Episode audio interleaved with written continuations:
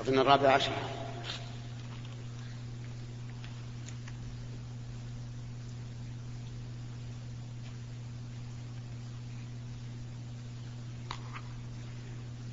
ظاهر من عند موسى أحسن.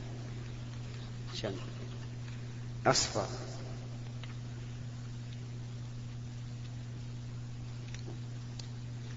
بسم الله الرحمن الرحيم. الحمد لله رب العالمين وصلى الله وسلم على نبينا محمد وعلى آله وأصحابه ومن تبعهم بإحسان إلى يوم الدين. أما بعد فهذا هو اللقاء الرابع عشر بعد المئة من اللقاء المسمى لقاء الباب المفتوح الذي يتم كل خميس في كل أسبوع. وهذا هو الخميس السادس من شهر شعبان عام ستة عشر وأربعمائة وألف.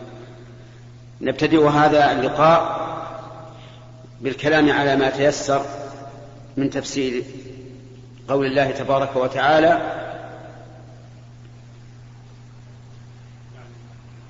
واعلموا أن فيكم رسول الله لو يطيعكم في كثير من الأمر لعنتم ولكن الله حبب إليكم الإيمان وزينه في قلوبكم.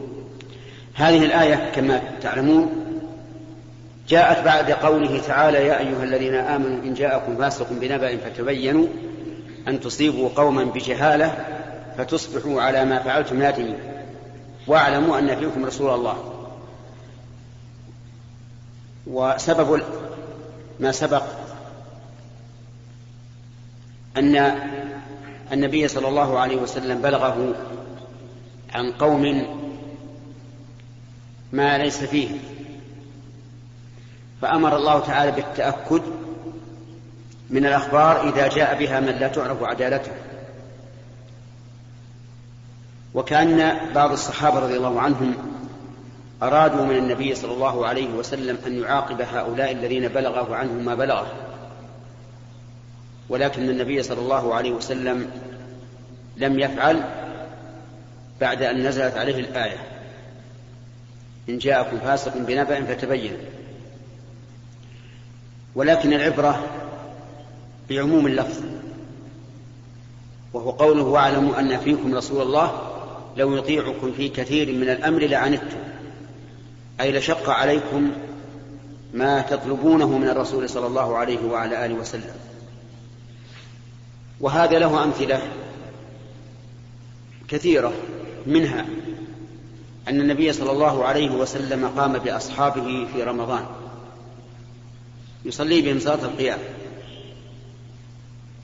فانصرف وقد بقي من الليل ما بقي فقالوا يا رسول الله لو نفلتنا بقية ليلتنا يعني طلبوا منه أن يقيم بهم كل الليل. ولكنه صلى الله عليه وسلم قال لهم من قام مع الإمام حتى ينصرف كتب له قيام ليلة ولم يوافقهم على طلبه لما في ذلك من العنة والمشقة. ومنها أن نفرا من أصحاب النبي صلى الله عليه وعلى آله وسلم بحثوا عن عمله في السر يعني فيما لا يظهر للناس وهو العمل الذي يفعله في بيته من العبادات فكأنهم تقالوها فقالوا إن رسول الله صلى الله عليه وسلم غفر الله له ما تقدم من ذنبه وما تأخر. يعني وأما هم فلم يكن لهم ذلك فقال أحدهم أنا أصوم ولا أفطر وقال الثاني أنا أقوم ولا أنام وقال الثالث أنا لا أتزوج النساء فبلغ ذلك النبي صلى الله عليه وعلى آله وسلم فقال أما أنا فأصوم وأفطر وأقوم وأنام وأتزوج النساء فمن رغب عن سنتي فليس مني. فحذرهم أن يعملوا عملا يشق عليهم. ومن ذلك أيضا حديث عبد الله بن عمرو بن العاص رضي الله عنه.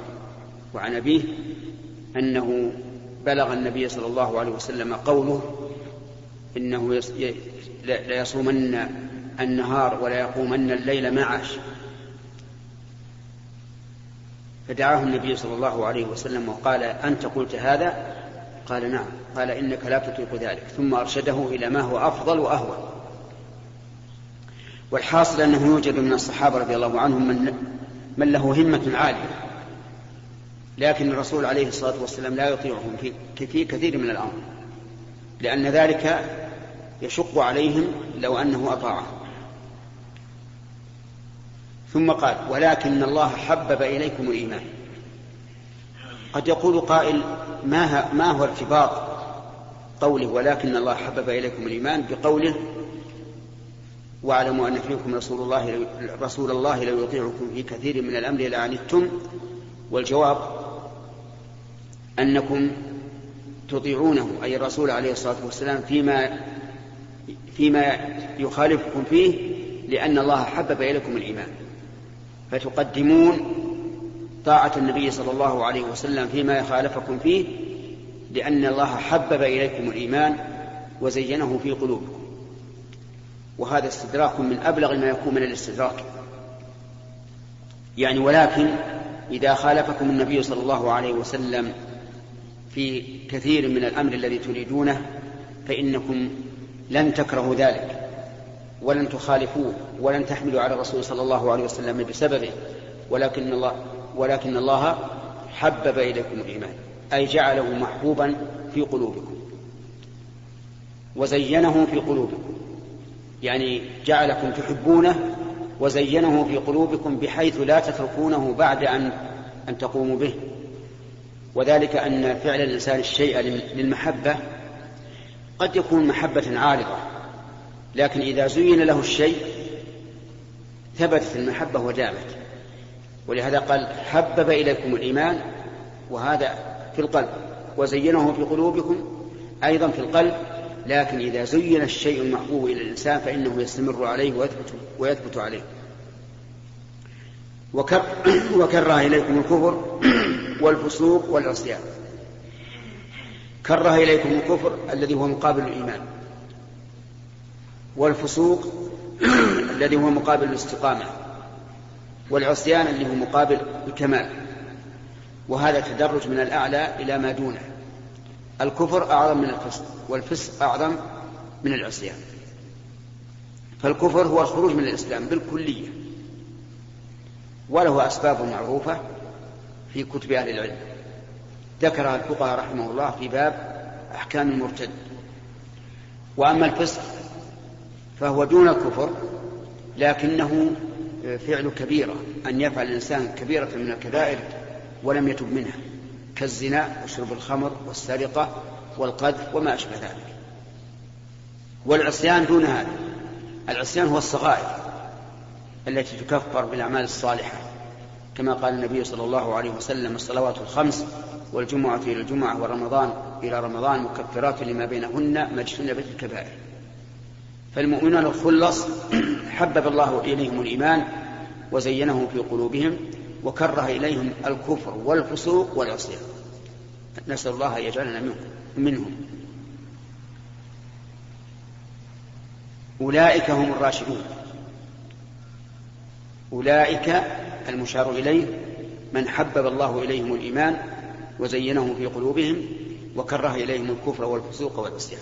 أولئك هم الراشدون يعني الذين سلكوا طريق الرشد.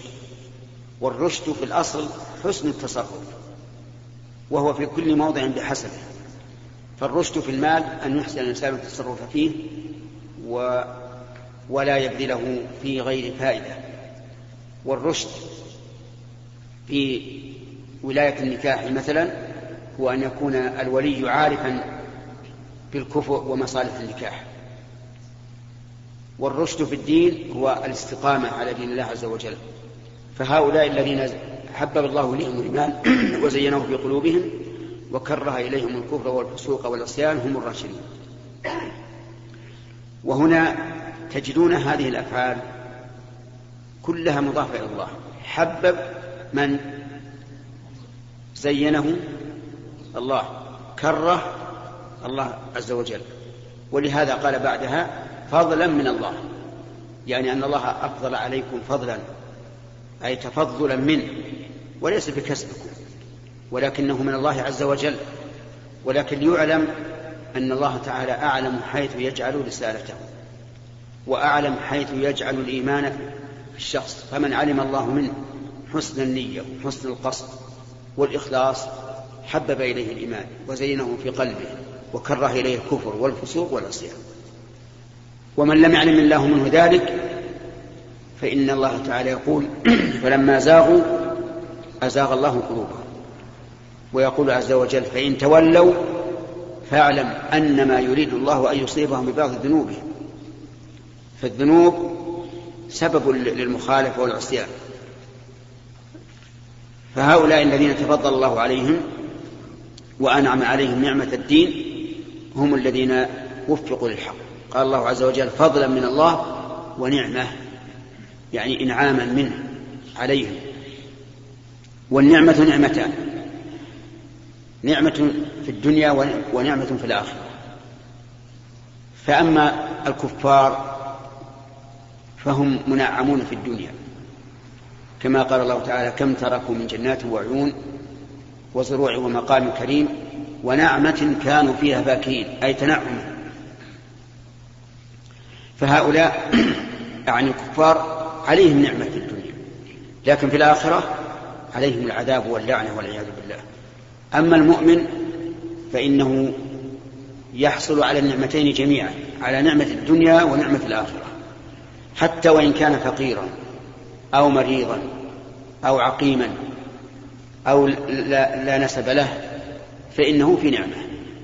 لقول الله تعالى من عمل صالحا من ذكر أو أنثى وهو مؤمن فلنحيينه حياة طيبة ولنجزينهم أجرهم بأحسن ما كانوا يعملون. هنا قال فضلا من الله ونعمة. المراد بالنعمة؟ هنا نعمة الدين التي تتصل بنعمة الآخرة. وخلاصة الكلام في النعمة أن هناك نعمتين. نعمة عامة لجميع الخلق الكافر والمؤمن والفاسق والمطيع ونعمة خاصة للمؤمن. وهذه النعمة الخاصة تتصل بنعمة الدين والدنيا وأما الأولى فإنها خاصة بنعمة الدنيا فقط لتقوم على الكفار الحجة. والله عليم حكيم. هذان اسمان من أسماء الله يقرن الله بينهما دائما العلم والحكمة. عليم بكل شيء. قال الله تعالى لتعلموا أن الله على كل شيء قدير وأن الله قد أحاط بكل شيء علما. وقال تعالى إن الله عنده علم الساعة وينزل الغيث ويعلم ما في الأرحام وما تدري نفس ماذا تكسب غدا وما تدري نفس بأي أرض تموت. وقال تعالى وعنده مفاتح الغيب لا يعلمها إلا هو ويعلم ما في البر والبحر وما تسقط من ورقة إلا يعلمها ولا حبة بظلمات الأرض ولا رطب ولا يابس إلا في كتاب مبين. وقال تعالى إن الله لا يخفى عليه شيء في الأرض ولا في السماء. فعلم الله تعالى محيط بكل شيء. والإنسان إذا علم أن الله أن علم الله محيط بكل شيء حتى ما يضمره في قلبه فإنه يخاف ويرهب ويهرب من الله إليه عز وجل. ولا يقول قولا يغضب الله ولا يفعل فعلا فعلا يغضب الله ولا يضمر عقيدة تغضب الله. لأنه يعلم أن الله سبحانه وتعالى يعلم ذلك لا يخفى عليه. وأما الحكيم فهو ذو الحكمة البالغة. والحكمة هي أن جميع ما يحكم به جل وعلا موافق مطابق للمصالح. ما من شيء يحكم الله به إلا وهو حكمة عظيمة. قال الله تبارك وتعالى حكمة بالغة فما تغني النذر. وقال تعالى أليس الله بأحكم الحاكمين؟ وقال تعالى ومن أحسن من الله حكما لقوم يوقنون. هذه هي آه هذا معنى الحكيم أي ذو الحكمة البالغة. وله معنى آخر وهو ذو الحكم التام. فإن الله تعالى له الحكم. كما قال تعالى وما اختلفتم فيه من شيء فحكمه إلى الله. وقال تعالى فإن تنازعتم في شيء فردوه إلى الله والرسول إن كنتم تؤمنون بالله واليوم الآخر. ولا أحد يحكم بهواه. ولو اتبع الحق أهواءهم لفسدت السماوات والأرض ومن فيهن. بل أتيناهم بذكرهم فهم عن ذكرهم معرضون. نسأل الله تعالى أن يتولانا وإياكم برحمته وعفوه وأن يجعلنا ممن علم وانتفع بعلمه إنه على كل شيء قدير. والآن إلى الأسئلة ونبدأ باليمين. بسم الله والصلاة والسلام على رسول الله وبعد. فضيلة الشيخ رجل يستدل بحديث رسول الله صلى الله عليه وسلم كنت نهيتكم عن زيارة القبور ألا فزوروها فإنها تذكركم الآخرة على جواز شد الرحال إلى القبور وأنه من باب أولى شد الرحال إلى قبره صلى الله عليه وسلم لعموم قوله ألا فزوروها. وأنه ليس هناك وجه للاستدلال بحديث لا تشد الرحال إلا إلى ثلاثة مساجد على منع شد الرحال إلى القبور.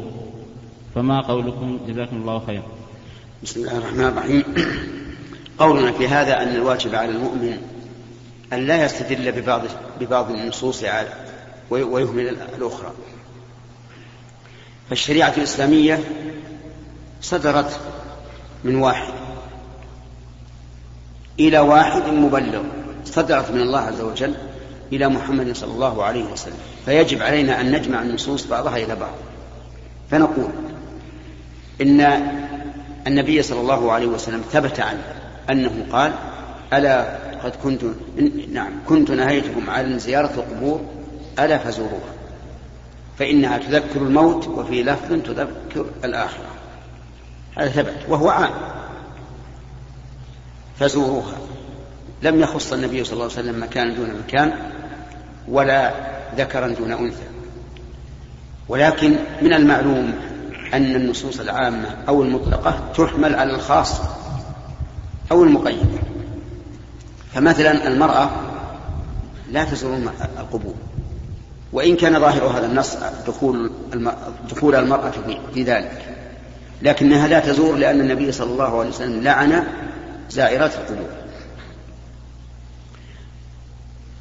فيستثنى من ذلك المرأة. لا يحل لها أن تزور القبر.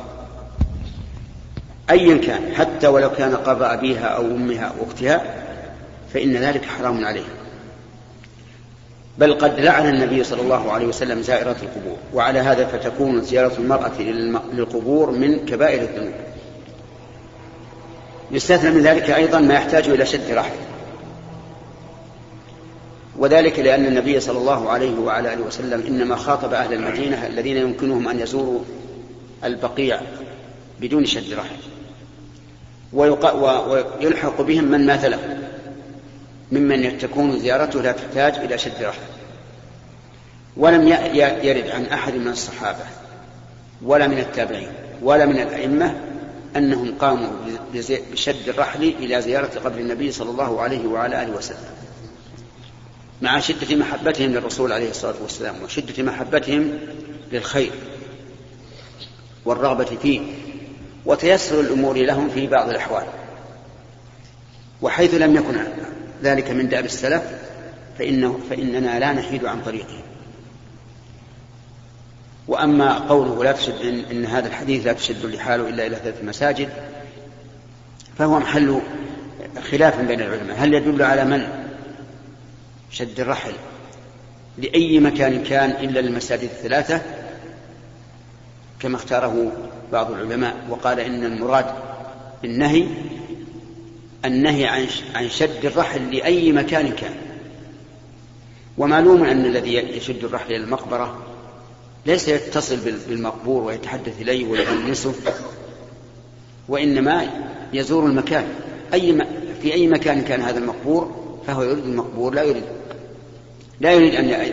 فهو يريد مكان القبر لا يريد أن يدخل في القبر أو أن يخرج الميت إليه. ومن العلماء من قال إن هذا نهي عن شد الرحل إلى المساجد سوى المساجد الثلاثة وأنه لا علاقة له في شد الرحل إلى زيارة القبور. ونحن نقول هب أن أن المراد الرسول عليه الصلاة والسلام هو هذا لكن هل أحد من أصحابه أو من أئمة الأمة شد الرحل إلى زيارة إلى زيارة قبر النبي عليه الصلاة والسلام؟ لا يوجد هذا إطلاقا.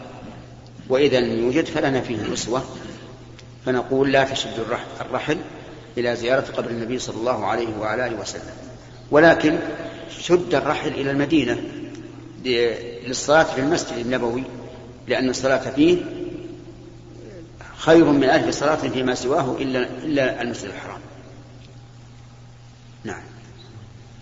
بسم الله الرحمن الرحيم. فضيلة الشيخ كثير من الناس يكون على جماعة الدعوة والتبليغ. هل تنصح الناس بعامة الناس أن يذهبوا معهم؟ وإذا هناك خطأ ودنا لو تبينونها للناس. جماعة الدعوة والتبليغ لا شك أن الناس اختلفوا فيهم وكثر الكلام فيهم. وأنا ما رأيت من أحد منهم شيئا أستطيع أن أحذر منه ولكن من قدر على أن يبقى في بلده لطلب العلم فهو لا شك أفضل من الذهاب معه لأن طلب العلم أفضل من العبادات. والذي أرى أنتقد عليهم فيه هو أنهم قليل العلم بمعنى أنهم لا يحرصون كثيرا على طلب العلم ولكن عندهم عاطفة دينية جياشة وعندهم محبة الخير والإيثار وغير ذلك وكم من أناس اهتدوا على أيديهم. ففي سعيهم بركة ولكن الإنسان المؤمن إذا رأى منهم شيئا محذورا نصحهم فإن امتثلوا فهذا المطلوب وإن لم يمتثلوا تركوا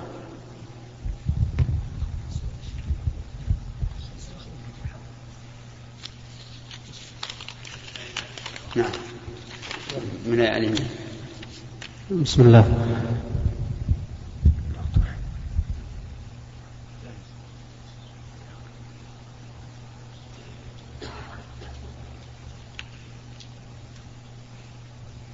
هذا ما ذكر اسمه و... ومن لم يذكر اسمه لم يستحق جوابا على أن أسئلتنا الآن كما ترون شفوية. بسم الله فضيلة الشيخ عند توزيع الزكاة يكون مع الرجل مثلا مئة ألف يريد أن يوزعها ويكون أمامه محتاجين منهم من يكون عليه دين نصف مليون أو مئة ألف أو مئتين ومنهم من يكون دخله بسيط وعوائل كبيرة فماذا يبدأ به؟ آه، البداءة لمن يحتاج من يحتاج لأكله وشربه وكسائه وفراشه آه، أشد إلحاحا ممن يقضي دينه. لأن الذي يقضي الدين ربما يتيسر له في المستقبل لكن الإنسان المحتاج إلى الطعام والشراب والكسوة والفراش أهم وأحوج. فيقدم هذا. نعم. عفى الله عنك. سمعنا ما يقول ولذلك تجد في الآية الكريمة أنه صدقات للفقراء والمساكين ويبدأ بالأهم فالأهم. نعم. الله عنك سمعنا ما يقول إن الفلك استدار فذهبت سني الجد وأقبلت سني الخصب. فما حكم مثل هذا الكلام؟ وما صفة سب الدهر؟ الله عنك آه هذا الكلام ليس بصحيح. أولا هل عنده علم أن الدهر أول ما كان؟ كان دهر خصب ورخاء فهو قول بلا علم. ثانيا أن أنه ما حصل شيء يوجب مثل هذا الكلام. يعني السنة هذه مثل التي قبلها وقد أتى على الناس زمان أدركناه أكثر من هذا أمطارا وأكثر نباتا ولا داعي لهذا. أما سب الدهر فهو أن يسب الوقت والزمن بأن يقول والعياذ بالله لعن الله الوقت أو لعن الله هذا هذا اليوم أو لعن الله هذه السنة أو ما أشبه هذا. القائل الأول هل يكون مؤمن بالكوكب وكافر بالله؟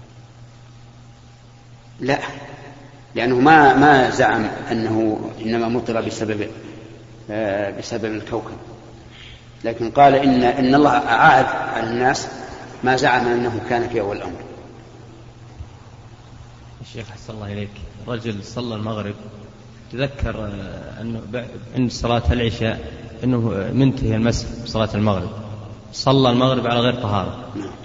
فعند قامت صلاة العشاء تذكر أنه ما مسح أو أن المسح منتهي.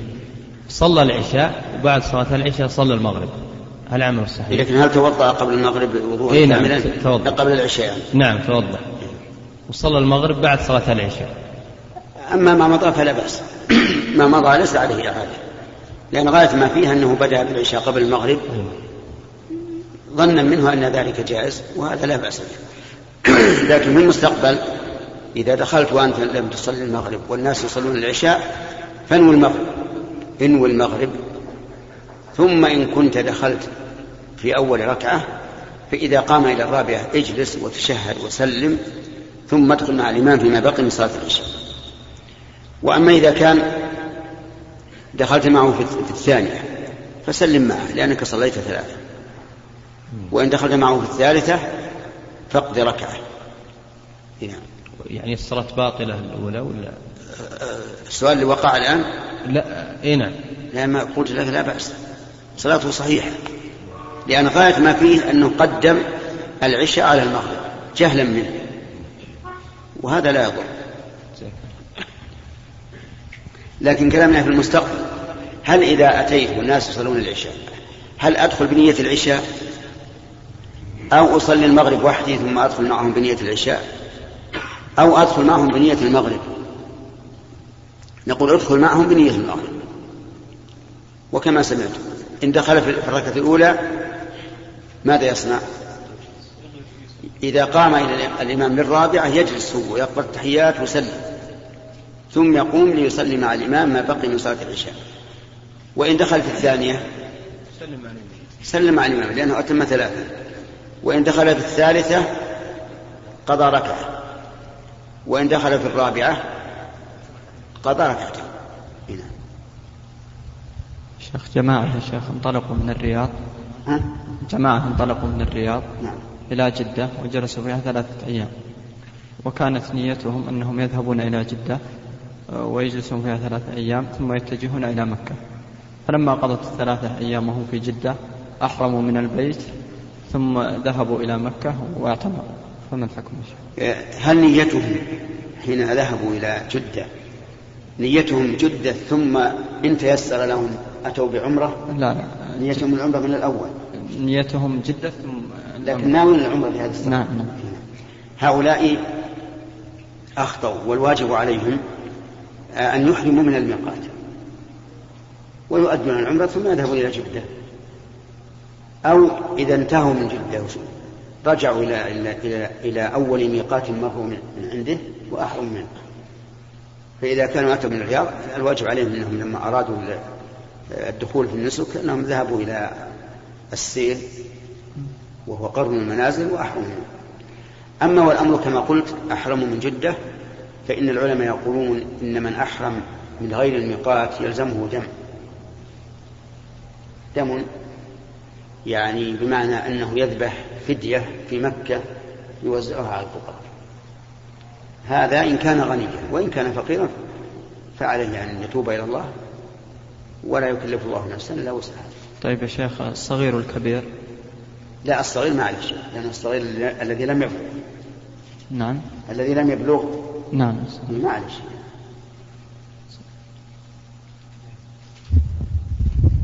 بارك الله فيكم بالنسبة يعني دخول المؤتمن مع الإمام يعني بنية المغرب وهو يصلي العشاء و... نعم وهو يصلي العشاء. ألا يكون في ذلك تحول في النية يا شيخ؟ اختلاف. إي نعم اختلاف في النية. نعم. أو يصلي أو يدخل مثلا مع الإمام ويصلي العصر بنية الظهر. نعم. ألا يكون في ذلك؟ اختلاف نية الإمام والمأموم لا تضر. اختلاف نية الإمام والمأموم لا تضر. لأن معاذ بن جبل كان يصلي بقومه صلاة نافلة وهم فريضة. وهذا من أعظم ما يكون من الاختلاف. ومع هذا لم ينكر عليه النبي صلى الله عليه وسلم. فضيلة الشيخ كان عندي شهادة زراعية آه، فيها حوالي خمسين طن. أتاني واحد وقال أعطيك بالكيلو ريال يعني يشتري الشهادة بخمسين ألف ريال. وكان تسعيرة القمح ريالين ونصف الصوابع فأعطاني المبلغ خمسين ألف ريال مقدما. فبعد مدة اكتشفت أنه حرام. علما أني تزوجت بهذا المبلغ. فماذا يجب علي؟ أرى أنه إن, أن الواجب عليك أن تتصدق بهذا المبلغ. تصدق بهذا المبلغ لأنه لم يدخل الموجب وأما الزواج فالزواج صحيح ما, ما في إشكال إن شاء الله. علما أني مديون يعني الوقت الحاضر ولا أقدر أتصدق مثلا بخمسين ألف ريال. وعملت هذا يعني كان بجهل. كنت جاهل ببيع الشهادة يعني لا أعلم أنه حرام أو حلال. من فضلك اقلب الشريط.